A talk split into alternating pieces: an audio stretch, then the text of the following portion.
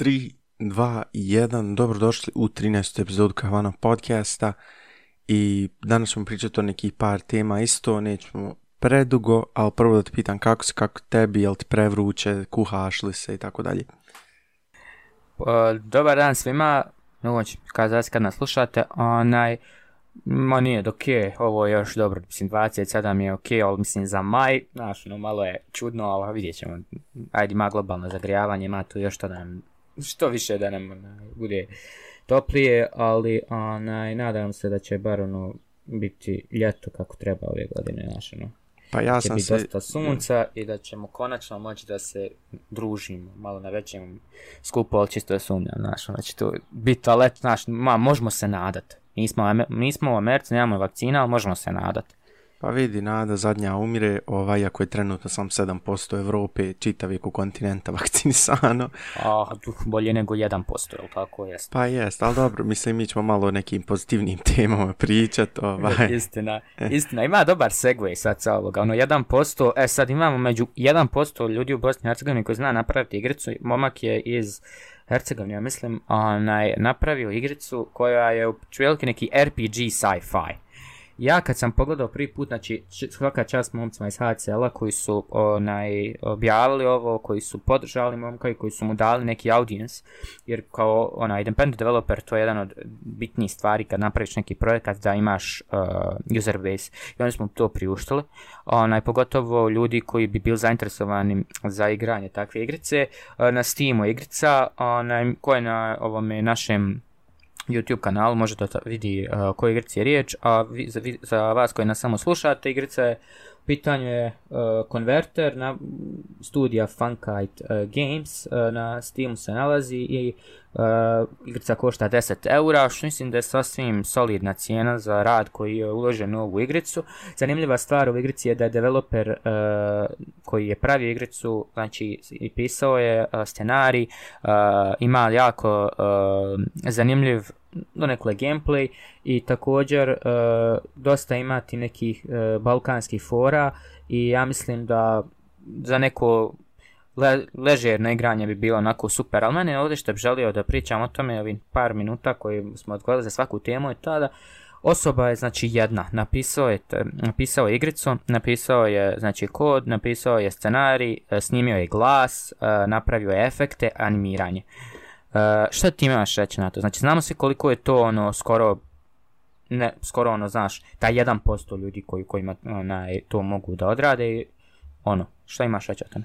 Znaš kako, ja dovoljno znam o programiranju, e, a to je da je teško i pogotovo game development, znači to više nije samo e, linija koda koju pretvoriš u 2D nešto poput stranice ili nekog interfejsa, nego ovo baš 3D, ne znam u kojem je engineu rađeno, izgleda dobro i plasirano je na Steamu što je vrlo bitno po meni. I zanimljivo mi je ovdje što piše kao bosanska svemirska agencija, jer to otprilike najbliže što će, ja, to je najbliže što ćemo se ikad približiti nekoj svemirskoj agenciji, osim ako se Elon Musk ne preseli u Bosnu s kojim slučajem i ne počne ispaljivati piramide rakete. A, meni ovo Meni je, meni je ovo Reci, top. reci. Meni je ovo top i drago mi da, ljudi ono, se bave stvarno game developmentom i da je Zlatan objavio ovo i da se da je dostupno za svjetska tržišta, pogotovo te neke naše ono naše neke šale lokalne, geolokalne šprdnje ovaj, na, na naš račun i to mi je sve zanimljivo i drago mi je što je HCL ovo objavio i da ima video 30 minuta gdje oni pričaju, igraju ovu igrici, igraju ovu igricu i treba jednostavno promovisati naše ljude koji razvijaju, jer mislim Balkan ima mnogo potencijala, pogotovo što se tiče igrica, neki je pod najpoznatiji poput ono uh, Talking Tom, koji je toliko banalna igrica je zapravo došla iz Slovenije, a zaradila je mnogo, mnogo novca. Igor Belan je, ona, ja mislim, govorio na ovom videu, bio je komentator, a Igor je, znači, ono, na HCL, mislim, glavni urednik i ja sam HCL gledao davno, davno, znači, godina prije. I još kad je Watch Dogs prvi izašao, onaj, i što je kod njih jako zanimljivo je to da Uh, Igor ima zanimljiv način prezentovanja igrice i ovdje je 30 minuta prolazio znači kroz gameplay igrice i frame rate koji je igrica pokazala onaj, i taj neki sistem kako radi neke stvari je po meni apsolutno ludilo gdje ti vidiš različite animacije, vidiš fontove, vidiš mehaniku, vidiš gameplay, vidiš kako ono u stvari radi i gdje ti je u stvari samo onaj, kad znaš da je to jedna osoba pravila 9 mjeseci i ti vidiš sve te neke stvari tipa kako je napravljeno uh, uvodna cut scena, uh, kako je stavljeno, znači kakva je mehanika igre. Mislim, uvijek ima znači mogućnosti da se poboljšaju neke stvari, ali ne znam, jednostavno za ovo sada što mi vidimo na, na, na ekranu i vi koji slušate nas možete otići naravno da tražite igrica se ponavljam zove Converter od Funk Zeit Gamesa onaj pravio je znači, jedan čovjek ali zanimljiva stvar kod ove igrice je ta što je a, svemirski RPG znaš. nikad ne bi rekao znaš, da je nešto u Bosnu tako uh, moguće da, da neko tako nešto smisli a u stvari ona je suprotno i desilo se i svaka onaj, treba pohvala da ide na račun developera koji je to uspio da odradi i naravno Igor Belan što je a, pomogao developeru da, da promoviše igricu, iskreno se nadam da je dobio bar nekoliko preuzimanja i da onaj, novca koji je dobio da će iskoristiti novac da dalje onaj, naprijedi tu igricu.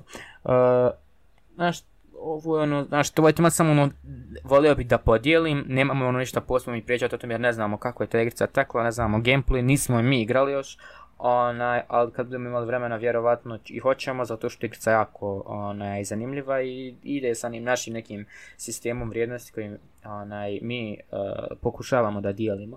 Uh, sljedeća priča koju bi željeli sa vama da pričamo jeste sa Basecamp, uh, onaj, kompanija koja je izazvala velike kritike tek javnosti, pogotovo na Twitteru uh, developera, product menadžera iz različitih kompanija, gdje su objavili jedan duži spisak uh, nekih stvari koje su, za, koje su će promijeniti u kompaniji, među ostalom jedna od tih stvari je i bila i uh, da više neće znači davati na primjer gym membership svojim kao onaj bonus svojim poslanicima, nego će im isplaćivati taj bonus na platu. Znači neće še biti ono da tebe sada neko forsira da ti ideš do retanu, na primjer, nego imaš znači taj bonus na platu za leisure activities kao na primjer. Ali zanimljiva stvar ovdje što što jeste što je najviše onaj potaklo ovu priču jeste njihov, uh, njihova riječ o tome da politički uh, njihov, uh, kao da je zabranjeno pričanje o politici na poslu. Šta se smatra politikom? To je meni pitanje ovdje. Znači šta, gdje, uh, šta oni smatraju politikom? Tako da imaš li ti nekih ideja kako bi uopšte moglo da, da se onaj manifestuje?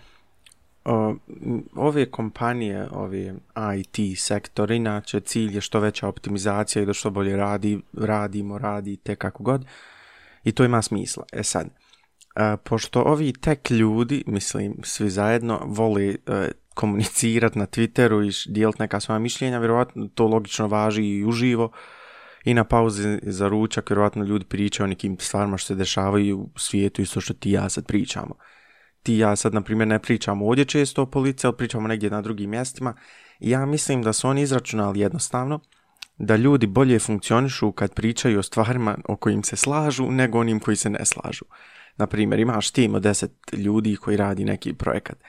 Oni ako pričaju o projektu i o sistemima, tehnologijama koji koriste, vjerovatno se neće puno posvađat, ali e, i, i rače je dobro. Ako oni počnu pričati o tome da li je bolje da bude jedan predsjednik ili drugi predsjednik, da li je bolji ovoliki porez ovoliki porez, vjerovatno će tu doći više do frikcije, do trenja koje... E, jednostavno ono, e, robotski rečeno nije efikasno.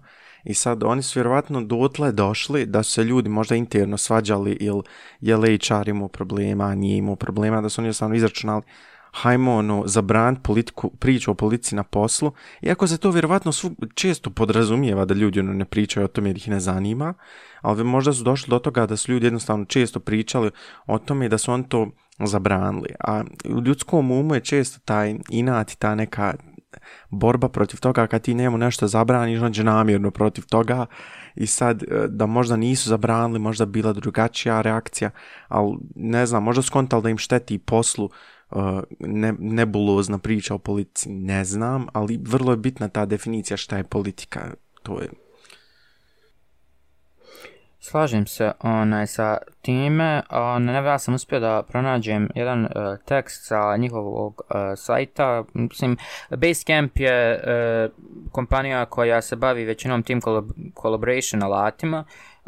Za, on je zanimljiva stvar koja je zašla prošle godine Hey Mail koji je u fazonu, na, koji je znači plaćen domena hey.com koja je registrirana 1990. 90. godina prošlo, prošlog stoljeća. Zanimljiva stvar je da ta domena poprilično skupa i, skupo i koštala i da su oni oko te domene napravili email servis gdje ti imaš na primjer uh, hey mail i kada ti dobije, kada ti neko pošalje mail, taj mail servis uh, prvo skrina cijeli email i kaže ti na primjer uh, da li se neki spy tracker nalazi u tome, na primjer ako ti otvoriš mail moguće da neko vidi drugi da si ti otvorio taj mail. Na primjer na heyu to je nemoguće zato što oni uh, skrinaju to. Tako da onaj, zanimljivo jako, uh, evo na njihovom prvom znači prva stvar koju su oni promijenili kao u Basecamp kako funkcioniše, kao no more social, uh, social and political discussions on our company Basecamp account. Uh, ovo je znači rečeno kao da ne žele da se više uvode, znači da sensitivnost oko političkih tema narasla na koliko su je mogli trpeti da više ne mogu i da je postala znači velika distrakcija e, i e, da iscrpljuje energiju radnika te samim time je nezdrava i ne koristi kompaniji te onaj kaže da ljudi koji žele o tome da pričaju mogu znači da to rade preko svojih vlastitih uh, ne više uređaja nego sa vlastitih računa, signala, Whatsappa ili čega god, čega god želi, uh, ali da to ne rade znači uh, na, na primjer na Slacku na kojem se dešava uh, tamo gdje, kao gdje se radi, znaš, gdje se radi.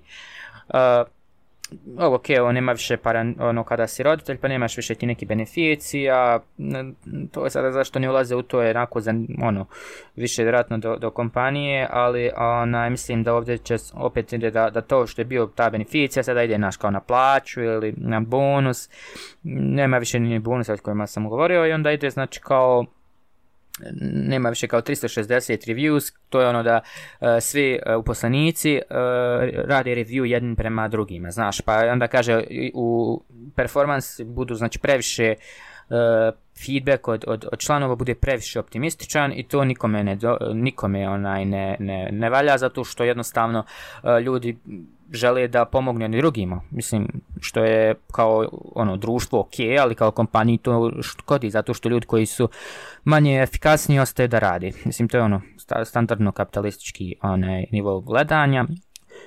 I naravno zatvaranjem priče kako nije zaboravili šta rade ovdje bla bla bla ostalo ono šuplje prazno. Tako da onaj Basecamp je doživio veliki onaj outlash od strane community i dosta ljudi čak i onaj otkazalo svoj hate.com deskripciju, a ta subskripcija te košta 100 dolara godišnje da imaš email account ta, tome. I onda primjer imaš nadim at hate.com i onda ti, znači, kada ti neko pošalje, imaš aplikaciju, imaš ono, imaš ono, onaj, gdje to radilo. I naravno, hej, uh, i Basecamp su ušli u uh, ono, bitku sa uh, Appleom oko tog email servisa još 2020. Tako da, DHH je onaj osoba koja je DHH u, te, u, tehnolo, u tehnološkim onom naš uh, circles poznata kao osoba koja je kreirala Ruby on Rails. On je bio vjerovo ili ne onaj uh, Formulu 1 onaj vozio ja mislim. Možeš ukcat uh, at dhh ako želiš ili onaj vi koji nas slušate. Uglavnom onaj to je čovjek koji je bio znači uh, nevjerovatan uh, developer i nevjerovatno onaj, ima zanimljiv životnu priču. Uh, njegovo ime je David, ja mislim, uh, znam da je iz, iz, iz Skandinavije, ne znam ako se baš sjeti tačno njegovog uh, imena, uglavnom on je poprilično zanimljiva ličnost. Tako da možete i njega pratiti, ali je dosta izgubio onaj followera i dosta izgubio ljudi koji ga prate zbog ovoga što se dešlo u Basecampu. A mislim da to, ono, prilike šta se dešavalo oko toga, uh, donekle, znate, uvijek ima ono, zasiš koji je cilj bio svega toga, donekle to objašnjivo, ali većinom uh, ti neke stvari koje su oni rekli ljudima da, ne, da da ne smije više da radi, to je, znaš, sad dolazi do toga da u tehnološkom svijetu je, znaš, što trebalo biti kao, ono, sloboda volje, sloboda ovoga, sloboda onoga, ti na neki način to uradiš, znaš, tako da nema stvarno onaj smisla. Tako da, otprilike, onaj, to je to o toj priči. Pa, ja, mislim, sad oni izračunaju šta je njima efektivno, ali nije. Ovaj čovjek je vozio uh, 24 sata lemona, to je, znači, znam 24 sata voziš trku, mislim, ne voze on 24 sata, vozi možda 6, jer to tim vozača, nebitno, uglavnom trka ukupno traje 24 sata i ti bi očito vrlo zanimljiva osoba čim je ovoliko stvari uspio uraditi, ovaj, a izgleda toliko staro i, njeg, i ti njihovi potezi su zanimljivi i mislim to je sve igra. Jer ti sad on tip upravlja s ovoliko stvari šta je sve radio mora se uzeti u obzir da on ne mikromenedža sve te stvari odjednom nego imaš logičnu kompaniju sektore ra, koji se bavi različitim stvarima. Sad šta su oni izračunali? Ovo je sve eksperiment. Mislim ti sad na ovom nivou nemaš um, nemamo mi dovoljno sad testirane te sve sisteme upravljanja kompanija u ovakvom sektoru, jer sektor postoji tek 20-30 godina. Tek će se za možda još 30 godina znati, hej, ovo su sve isprobane metode i sad proberi koja je tvoja najdraža i koje stvar želiš isprobati. Ovaj tip djeluje, mislim, baš ko zanimljiva osoba i izgleda vodi blog. E, ima, mislim, David Heinmeier pisala, onaj, ništa, to je otprilike neka, neka stvar koju smo želi da, da, da se dotaknemo. Sljedeća priča nas vodi kod našeg dragog Ilona Maska. Duše, ovo više nije toliko kod njega, onaj, koliko je o, o njegovoj reakciji na e, tužbu Jeff Bezosa Blue Origin kompanije NAS, koju su rekli da se ne slažu time što je Elon Musk e, dobio fund za, e, kako kažemo, onaj njegov, e, kako njega sad više zove, Pa da, mislim, on je dobio nešto. ugovor da se njegovim vozilima transportuje na ISS, jel tako, roba na... Ja mislim da je ovdje riječ o onome ko će sletiti na mjesec, ako se ne varam, ali nisam siguran. Jer, jer je prič, jer ovo, ovaj funding ide za onu kan, onaj frižider što pokušavaju, pokušavaju lansirati, ali ne mogu se sjetiti kako se sad tačno zove, Space... Aha, ovdje piše Lunar Lander, misliš to? Ma mislim na onog što, što, id, što je uspio, e ovo, što je uspio poletit, onaj pa... pa A, starship, spaceship. A, Starship, to. E, to. starship. A, I Jeff Bezos se s tim ne slaže, misli da Blue Origin to zaslužuje valjda taj neki grant. Nasla je rekla, mislim, ne može, a onda Elon naravno odgovorio, can't get it up to orbit. Lol, naravno, u zagradi to orbit, znamo što je mislio can't get it up. Elon je to. ja, mislim ti sad, uh, Jeff Bezos... Um, najbogatiji čovjek na svijetu, Amazon, bla, bla, bla. Ali uh, ja mislim da oni i Elon imaju puno drugačiji pristup kad se radi o space travelu i mislim da uh, Elon Musk ima više neke ciljeve krajnje kolonizacije Marsa, a Jeff Bezos ima cilj proizvodnje možda hotela. On misli da, da ona radi turizam na Mars. Tako ja. da, na, na, ne turizam na Mars, turizam oko zemlje, znaš, ne imaš turizam oko, na mjesec, to sam ti rekao. To će biti cool. Onaj, po, nek budeš imao 20 miliona da kupiš sebi onaj minimalno će to sjedlo. Uf, po Bezosu to će baš pojeftiniti. Ne, znam što je zanimljiva onako stvar. Uh, ovdje je bitno ono, malo spomenuti je uh, to kako Elon razmišlja. Naprimjer, ja sam neki dan gledao dokumentarac o manji, uh, gdje su sjeli sa uh, founderima Tesla na, i pričali Elon Musku i onda su govorili kako su svi smatrali da su oni ludi zato što pokušavaju napraviti električno auto i onda su ošli Elonu i rekli mu da želi napraviti električno auto, a onda su rekli drugačije je bilo Elonu to kao govoriti zato što on bio još luđi od nas, on je pokušavao napraviti svoju raketu.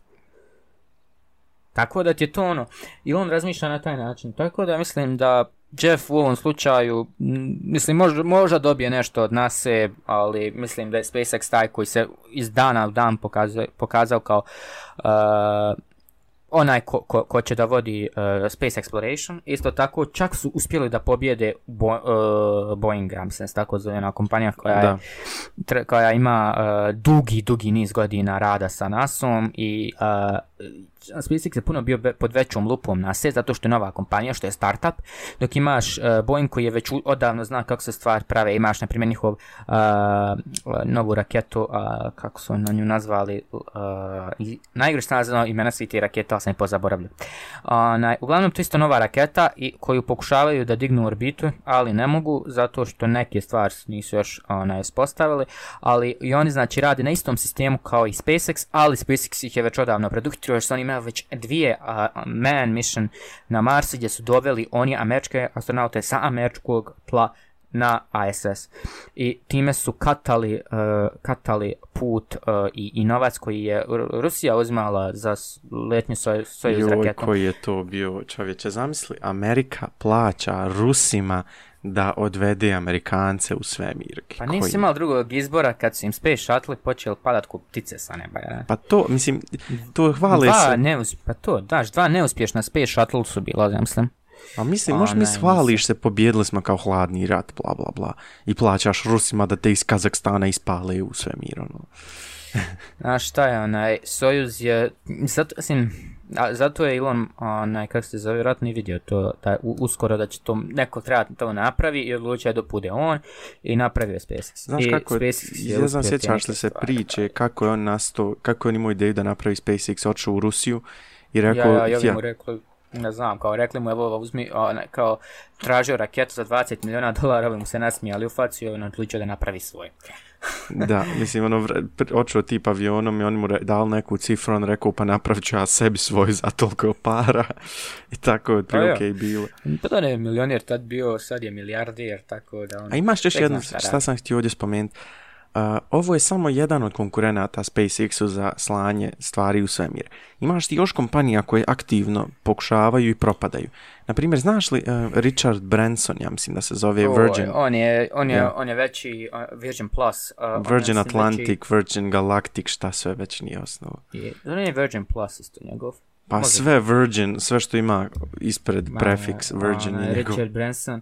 Znaš šta, on isto ono, pod kao entrepreneur ili nešto tako, ali onaj, niko od njih ne shvata space, space na način na koji Musk shvata. Tako da Musk je, mislim da će njegov, uh, on će uspjeti da fanda svoj, znači, ambiciju na, na Mars tako što će ljudima proda, prodavati onaj pristup internetu širom svijeta za apsolutno znači preko njegove sata, mreže satelita koju je SpaceX napravio. On će, on će dobivati funding od NASA, ima svoj funding, znači njemu je samo nebo granica i može ga sam spriječiti što mu se desi. Yeah. I onaj, da neko ko, ko ne razumije da dođe na njegovu poziciju. Uh, ali ja mislim da je Richard Bransonova kompanija veća, već konkurent uh, Jeffovom Blue Origin. Uh, mm, smatram da onaj Blue Origin je ok kompanija, ali definitivno nije ni, ni ne, ne može se ne može pa vidi onaj, ovaj sa SpaceXom jednostavno. Kad ok sletit raketu na mislim ono ne znam da su uspjeli sletit raketu kako treba, ali SpaceX znači imaš Falcon Heavy, imaš uh, imaš ovoga Falcon 9, pravi se BFR, pravi, to praviš, kako se zove, BFR i praviš Big još... fucking rocket. Rocket, jeste, i praviš Starship. Plus imaš Dragon kapsulu, imaš Raptor engine, imaš Merlin engine. Tako da, to su ono samo neki, plus imaš mrežu satelita 20.000, čem mislim koliko su rekli da će biti Starlink satelita. Tako da ne mogu njemu ništa, ovaj, može samo da, da pravi tužbe onaj, prema tome, tako da mislim da, da Jeffova, ja ne znam šta je sa tom stranicom. ja sam, znači, to htio, znači, ja samo da, htio sam prvo, kad sam tek ušao na stranicu, znači, ovo je Daily Mail, ogromna britanska, ogromni britanski mediji. I sviđa, htio sam pohvaliti, imaju ove bullet points, kad uđeš u članak, sve piše u tezama, ne moraš ni članak pročitati. Ja ih htio pohvaliti. Vidi ovo. Prvo što je, znači, stranica završava ono što si rekao na .html, ali znači ide stranca i sad u nekom momentu vijest završi ne? i sve one povezane vijesti, ovo uopšte nije više ona originalna vijest, imaš komentare. I ovdje stranca završi i ide, i ide, i ide, i ide, znači, evo isto da je neko dijete pravilo u srednju školu, znači ne kontam kako ogro, ovoliko velika produkcija ima ovako slabu strancu, ne znam kako da je... Šta... Ne znam, mislim šta bi rekao, ona, ali mo, može im se, znaš, kaže, sve, se može kad se hoće, a i kod nje očigledno im to ne smeta, tako da, onaj, Neki ne neki- sasrećom. baš tako. Ništa, sljedeća priča nas vodi do našeg dragog Spotify-a. Znaš, prvo smo kao priča o Spotify, šta se dešavalo sa Spotify-em. I onaj, imamo Spotify direktor, kaže da je live audio content next stories. Uh, slažem se u potpunosti, evo i zašto. Clubhouse je u februaru prošle godine na, na dan imao preko milion preuzimanja. Na dan, znači milione i milione preuzimanja. Cijeli februar sam mislim skyrocketirali do negdje 50 miliona preuzimanja da su imali i onda su naravno u martu i aprilu počeli naglo opada zato što nema še ljudi koji su zainteresovani za tako nešto plus a, na njihovo lansiranje na Androidu traje 4 mjeseca još nikad lansirati. Onaj, tako da Rus napravio, znači sjećaš se ono, napravio Da, da. za preko vikenda, a njima treba 4 mjeseca da, da to napravi kako treba. Onaj, I šta je zanimljivo ovdje za reći, to se svodi na jednu jedinstvenu onaj, logiku, a to je da Spotify je, kako da kažemo, pion, nije pionir muzike, on je više, znaš, kao sound-based company i oni moraju da razumiju kako sound funkcioniše i kako utječe na ljude i kako, i šta live audio znači. To isto da sada smo mi, znači da mjesto ovog sad podcasta što IT snimamo, što je možda, znači što donekle bude filtriran radi, radi kvalitete, radi skraćivanja i tako toga, da mi pričamo sve na Clubhouse-u, na prvo. Da nas slušate vi koji nas sada slušate, jednostavno dolazi do toga da, da se ta, taj dio, znaš, samo izokrene donekle. I, onaj, I ti sada kad pričaš na Clubhouse, to zna biti, znači imaš hosta koji pričaju, imaš, na primjer, desetinu ljudi koji te slušaju. Uh, I kako ti, znaš, kao, dok, to, to neki live podcast i oni su to shvatili, znaš. Ali je sad bitno šta se desi kad, kada se vakciniše, na primjer, 80% stanovništva u Americi. Gubiš, uh, kako se, ili grada nekog, gubiš jednostavno aspekt da ljudi sjede kod kuće stalno zato što više pandemija je donekle prešla u, u drugi plan i postoji toga da ljudi su se ne zaželili klubova, zaželili se provoda, zaželili se putovanja gdje imamo i to da će uskoro ni travel uh, startupi početi da opet buknu. Znači, zato što imaš sada Airbnb će opet skočiti sto- stok zato što će ljudi početi da ponovo putuju. I sad sve se neke stvari dešavaju na način da imaš in, i, uh, konstantnu, konstantnu onaj, preplitanje ti nekih stvari. I onda imaš Spotify koji kaže, ok, sma, uh, social audio je novi story, story znamo da je nastao u Snap, Snapu aplikaciji, onda je uzeo ga Instagram i postalo, ja mislim, jedan od najvažnijih dijelova Instagrama gdje ja više ne gledam feed na Instagram, nego gledam story. Do to je došlo. Onaj, I to bukvalno napravio Facebook rip-off, napravio Instagram svoj rip-off, odnosno to su iste kompanije, nije bitno. Uzeo je i LinkedIn iz nekog razloga, to ne znam da iko koristi te na LinkedIn storije. Twitter je napravio jako lošu kopiju, Fleets, jako loše. Onaj, nema uopšte oni aspekata koje očekuješ od nekog takvog story makera. I imaš, kako se zove, uh, ulazi, znači imaš na Clubhouse, ulazi u tu sve igru i dolazi do toga da hej, dobar dan, želimo onaj da poremetimo social audio, želimo da predstavimo to nešto i sada imamo mogućnost, imamo 50 nešto miliona korisnika, iz nekog razloga smo se ulirali na milijardu dolara, ne možemo to da izdržimo, nema šanse. I sada dolazi do toga da velike kompanije su vidjele, ok, social audio je tu, ide sada Spotify koji ima milijarde u svojim onaj, džepovima i idemo mi praviti naše nešto. Sad znam ja ti ovo umjesto na Clubhouse možemo da pričamo na Spotify, direktno na njihov stream i direktno te može slušati toliko i toliko ljudi i direktno mogu da budu u interaktivnom podcastu. Pa vidi, a live I oni imaju content- platformu za to. Pa imaju, a live content je puno drugačiji od, od eh, ovog pre-recording recording contenta, jer ti sad, na primjer, ako se nešto desi sad nama od tog snimanja, mi ovo izrežemo, naštimamo, ali ti kad si live, to je puno drugačija scena. Ali opet ljudi kažu, sad ovdje pročitao jedan komentar, mislim vidio se ovdje na skrinu, kao čovjek kaže neće biti ono, nije će to baš biti eh, next stories, jer stories je ono, traje sekundu, hoću, neću, odem i mislim da je stvarno stories postoji integralni dio Instagrama više nego feed, jer ono, ipak stories, nekako nije više feed, feed pr- onako prati. Uništili su feed. Uništili su feed. Znači dođeš, ideš slika, ide, kaže, prije tri dana. What? Ja mrzim, znači ja, meni, ja mrzim to što hronologije nema, isto i na Facebooku i na Twitteru. Žel, ja Facebooku imam uđeš, a- most recent, ja to koristim, znači moram biti most recent, mene ne zanima šta Facebook misli da je meni top story, ne želim. Kod mene na Facebooku uvođenjem, znači ulazim raz svaki par dana i meni dolaze onaj, obavijesti o prije tri dana. I to mi je prvo. Why? Ako to nisam pogledao, vjerovatno je vijest tri dana postala irrelevantna at this point. Živiš tako, znaš, živimo tako brzo nekom vremenskom onome uh, dešavanjima, znaš, stvarima i jednom, znaš, samo dođe, ok, op, Facebook, tri dana stara vijest. Why? E, a vidi ovo sad, na primjer, ja uđem na Facebook, ja živim za taj most recent tab što ima, ja to kliknem, stvari koje se dešavaju sad, što je nešto instant, što me možda zanima, što se dešlo danas ili sad. Mene ne zanima šta je bilo prije tri dana, jer kako algoritmi funkcionišu na društvenim mrežama, Facebook ili nebitno ko, oni žele da ti što duže ostaneš tu i oni tebe hrane svojim sadržajem koji oni misle, koji algoritam misli da je tebi ono, koji će te zadržati više. Mene to ne zanima. Znači ja želim konzumirati kontent kako ga ja želim. Mene ne zanima šta Facebook misli da je meni bitno. Znači te stvari od prije tri dana ili neki, znaš, ono, kako da kažem, politički aktuelne vijesti, ono velike udarne koje mene ne zanimaju čovječe. I kad ja odijem u taj most recent tab, meni Facebook dođe i kaže, hej, jesi li siguran da želiš tu ostati, bolje se vrati vamo na ovaj uh, top new, top nešto kakav već zovu, ono, kao news feed, gdje ti mi ono na kašiku dajemo ko bebi, šta mi mislimo da tebi treba. Ja se apsolutno slažem sa tim, zato što, mislim, ono, algoritam je algoritam. I to je jedan obični matematički ona, izraz kojim, kojim te platforme radi, na koji način kokušu. Onaj, I definitivno je to jedna priča koju trebamo da govorimo o tome kako je hronološki feed uh, bolji od, od ovog feeda gdje nam pokušavaju nama pokazati ono što se nama sviđa i u tome konstantno filaju i koji imaju podataka za, za godine do tome, znači o našeg uh, scrollanja i našeg interakcije.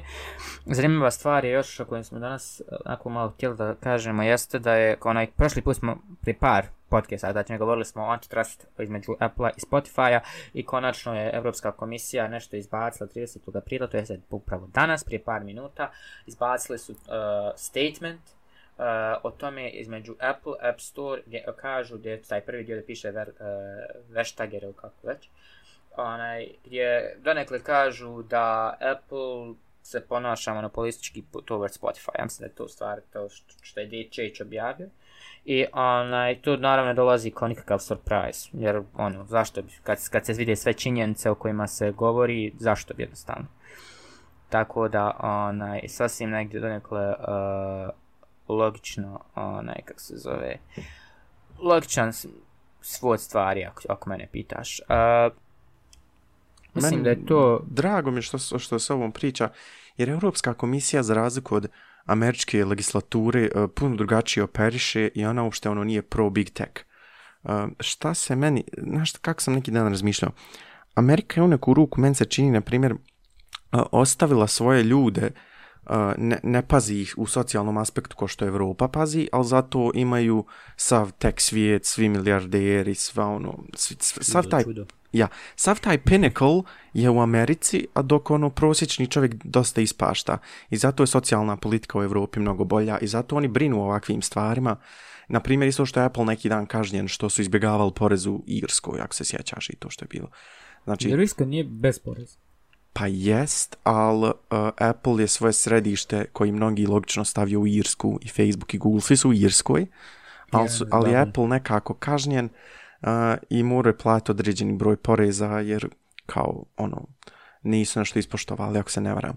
Ali ti sad imaš scene gdje, spot, gdje taj live audio content ili subscription prvo zabranjuješ konkurenciju što nije ono kapitalistički uopšte, što, a kapitalizam je ono pro free market, svi bi trebali imati šansu, što u Americi često nije slučaj, na primjer ono, Facebook, Google, ti tech giants imaju svi monopole i svi su ono kontra kapitalistički, ali dobro, nebitno, nećemo o tome sad.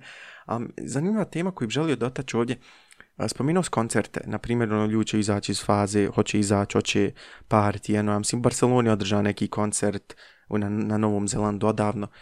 Šta će se desiti sa live koncertima koji su online? Ne znam, jesi vidio da je neki dan bio je u Sarajevu, mislim neki dan, prije par mjeseci, bio je u Sarajevu jedan online koncert gdje ti mogu platiti da uživo od kuće slušaš koncert, ako razumiješ. Šta misliš, postoji li za to tržište, hoće li biti toga i dalje? Jer, na primjer, zamisli ti sad skupiš, skupije se muzičari, odu u neki studio, live pjevaju, ali kao, kao streamaju taj svoj koncert li mjesta za to i poslije korone? sada, onaj, znaš šta, to je jako zanimljivo pitanje i odgovor je moj uh, u ovom slučaju da će uvijek biti, da su oni otvorili jedan kako kažemo, ne tunel, jedan put, otvorili su put prema, prema tom nekom uh, načinu kontenta koji se izbacuje, a po meni mislim da će taj kontent da padne na, na ono, kako se zove, do, da padne u popularnosti, na primjer, od vremenom dok ljudi konačno počnu ponovo da, da onaj, izlaze iz svojih domova.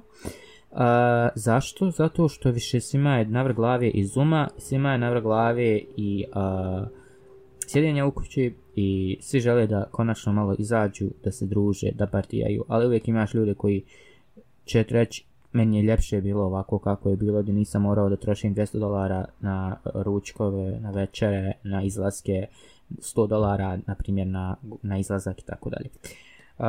Gdje im je to znaš bilo kao puno eko, ekonomičnije. Tako da zašto da ne? Zašto da ne? Ako se otvori taj onaj, uh, sistem, ali isto tako imaš mogućnost da ako se ta tehnologija koja, znači gdje ti imaš sada gdje će najnoviji boom u tehnologiju biti znači virtualna realnost, gdje ćeš ti imati znači, mogućnost da ti odiješ na koncert, da osjetiš sve čari koncerta iz, iz VR seta, zajedno sa ljudima na koji su, znači, te kada uspiju, znači, onaj, latency smanjiti, bla, bla, bla, neke stvari, dok se te tehnološke stvari poslože, ali definitivno, uh, kad ljudi će na neka zamijeniti svoju realnost, virtualnom realnosti, ne samo zato što, što je pandemija, iako tada će već pandemija, znaš, do, dobro da proći, ali uvijek postoji taj neki onaj način gdje ti imaš, kako se zove, uh, taj kako sada da to nekako formulišem da ispadne kako treba, jednostavno imaš potrebu da drugačije se stvari dešavaju, znaš, jer uvijek ima, i prije bilo, kako se sjeća, žalno vrijeme prije pandemije, skoro dvije godine, onaj, uh, sve drugačije, znaš, ponašali, dađeš na kafu, bla, bla, uvijek bilo ljudi koji nisu izlazili na kafe, e, tako da sada taj neki sistem konstantnog, konstantnije brige, konstantnog ovoga, konstantnog onoga će donekle da se smanji, ali će ostati. I zato smatram da taj uh, content će dalje da, da, da se tu, kako zove, pro, proizvodi, ali njegova distribucija, njegova consumption, njegov consumption neće biti toliko uh, značajan kao sada. A vidi ovo šta mi je sad palo napraviti, ideja za firmu koja ima para. Napravi se studio, na primjer u Sarajevu, Zagreb, Beograd, nebitno. Napravi se studio koji može izdržati kao bine ili neki amfiteatar, nešto tako napraviš e, set koji mogu izgledati kao bina na koncertu. Iznajmljuješ, javljaš se ljudima koji, muzičarima, njihovim agentima i kažeš, organizat ćemo vam online koncert, streamat ćemo te na YouTube i na, mislim nije na YouTube, na nekim ono paid, paid platformama, ti ćeš moći ričat ljude čirom svijeta. Jer ti ima, na primjer, dosta Balkanac koji su raseljeni po čitavom svijetu.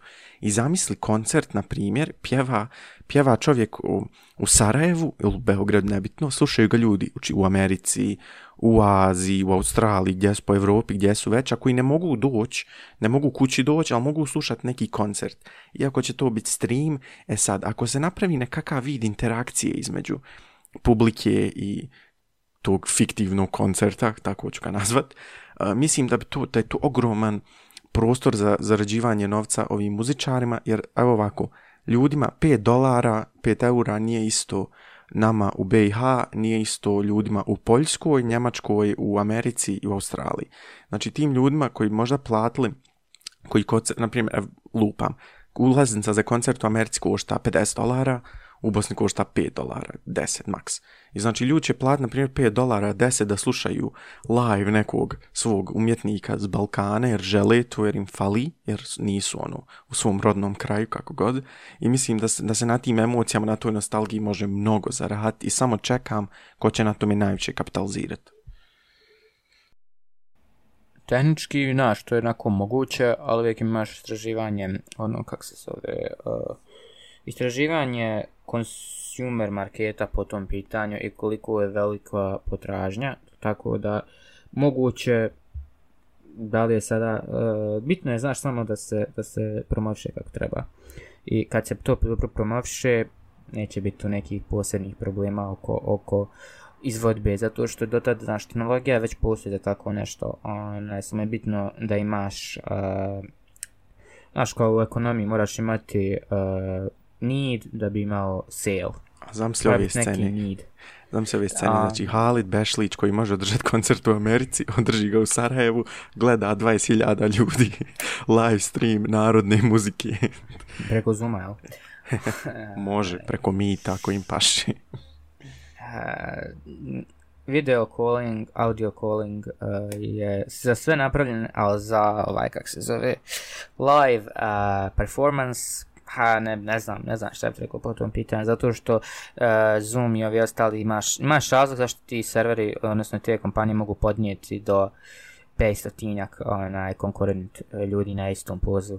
Onaj, to su tehnički naravno problemi, ti imaš sam imaš 20.000 ljudi, a svi slušaju isto, to bi bio samo stream, to ne bi moglo biti pa, kao to, znači, ta interakcija, ako, mislim... Ali može sad biti interakcija, može sad pustiti na YouTube na interakciju, staviš, dobio za kola ti radila te online koncerte, to neki ko, ja, tako nešto. Ali ta interakcija je opet, znaš, nije to to. Nije to Ali su imali pre-recorded koncert, ono nije bilo live. Ne znam, a šta, onaj, meni je samo zanimljivo to gdje i da je live taj koncert bio. Sad ti kažem, opet imaš znači da je to stream i da, da je jako teško imati osjećaj da ti tamo nalaziš, a gledaš preko nekog od displeja. Znaš, tako da mislim da je to... Uh, ja, mislim, razumijem šta govoriš i u pravu s interakcije na streamu ne može biti. A sam mene zanima, na primjer, jedva čekam po, pokušat ću kasnije negdje potražiti da vidim malo neka statistika za kako su prošli. Ja mislim da je Madison Beer imala online koncert u Sarajevo je bio, da vidim kako su oni prošli, o, ono, da li će imala ta industrija potencijala. Ali eto, to... Travis Scott u Fortnite, ja mislim. e, to je, mogu misliti tog biznis poteza, čovječ. to ti je bukvalno pustili stream audio onaj, i napravili animaciju da se ovaj kreće. I to ti je koncert i onda je napravili arenu od hiljade i hiljade ljudi znači, na jednom server. To je bilo, mislim, jedan od tehnoloških Marvela, onaj, uh, produkcije Epic Games, ali Epic Games ipak kompanija koja ima para da, da stuži Apple kamo to tako nešto da izvede. A, ne, ništa, prošli smo do 41 minute, htjeli smo da budemo do 30, ali zanim, bilo su zanimljive teme danas, tako da nadam se da, da ste da nas slušate do kraja. A, pričali smo o na, igrici koju trebate da preuzmete, da podržite našeg developera Zlaju, onaj koji je napravio znači animaciju, gameplay, priču i voice.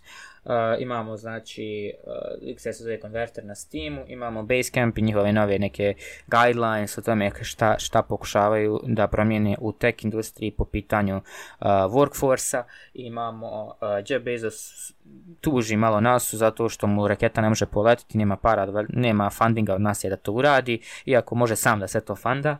Uh, imamo Spotify, CEO kaže da bi Clubhouse mogao biti uh, novi stories, odnosno social audio mogao biti novi stories.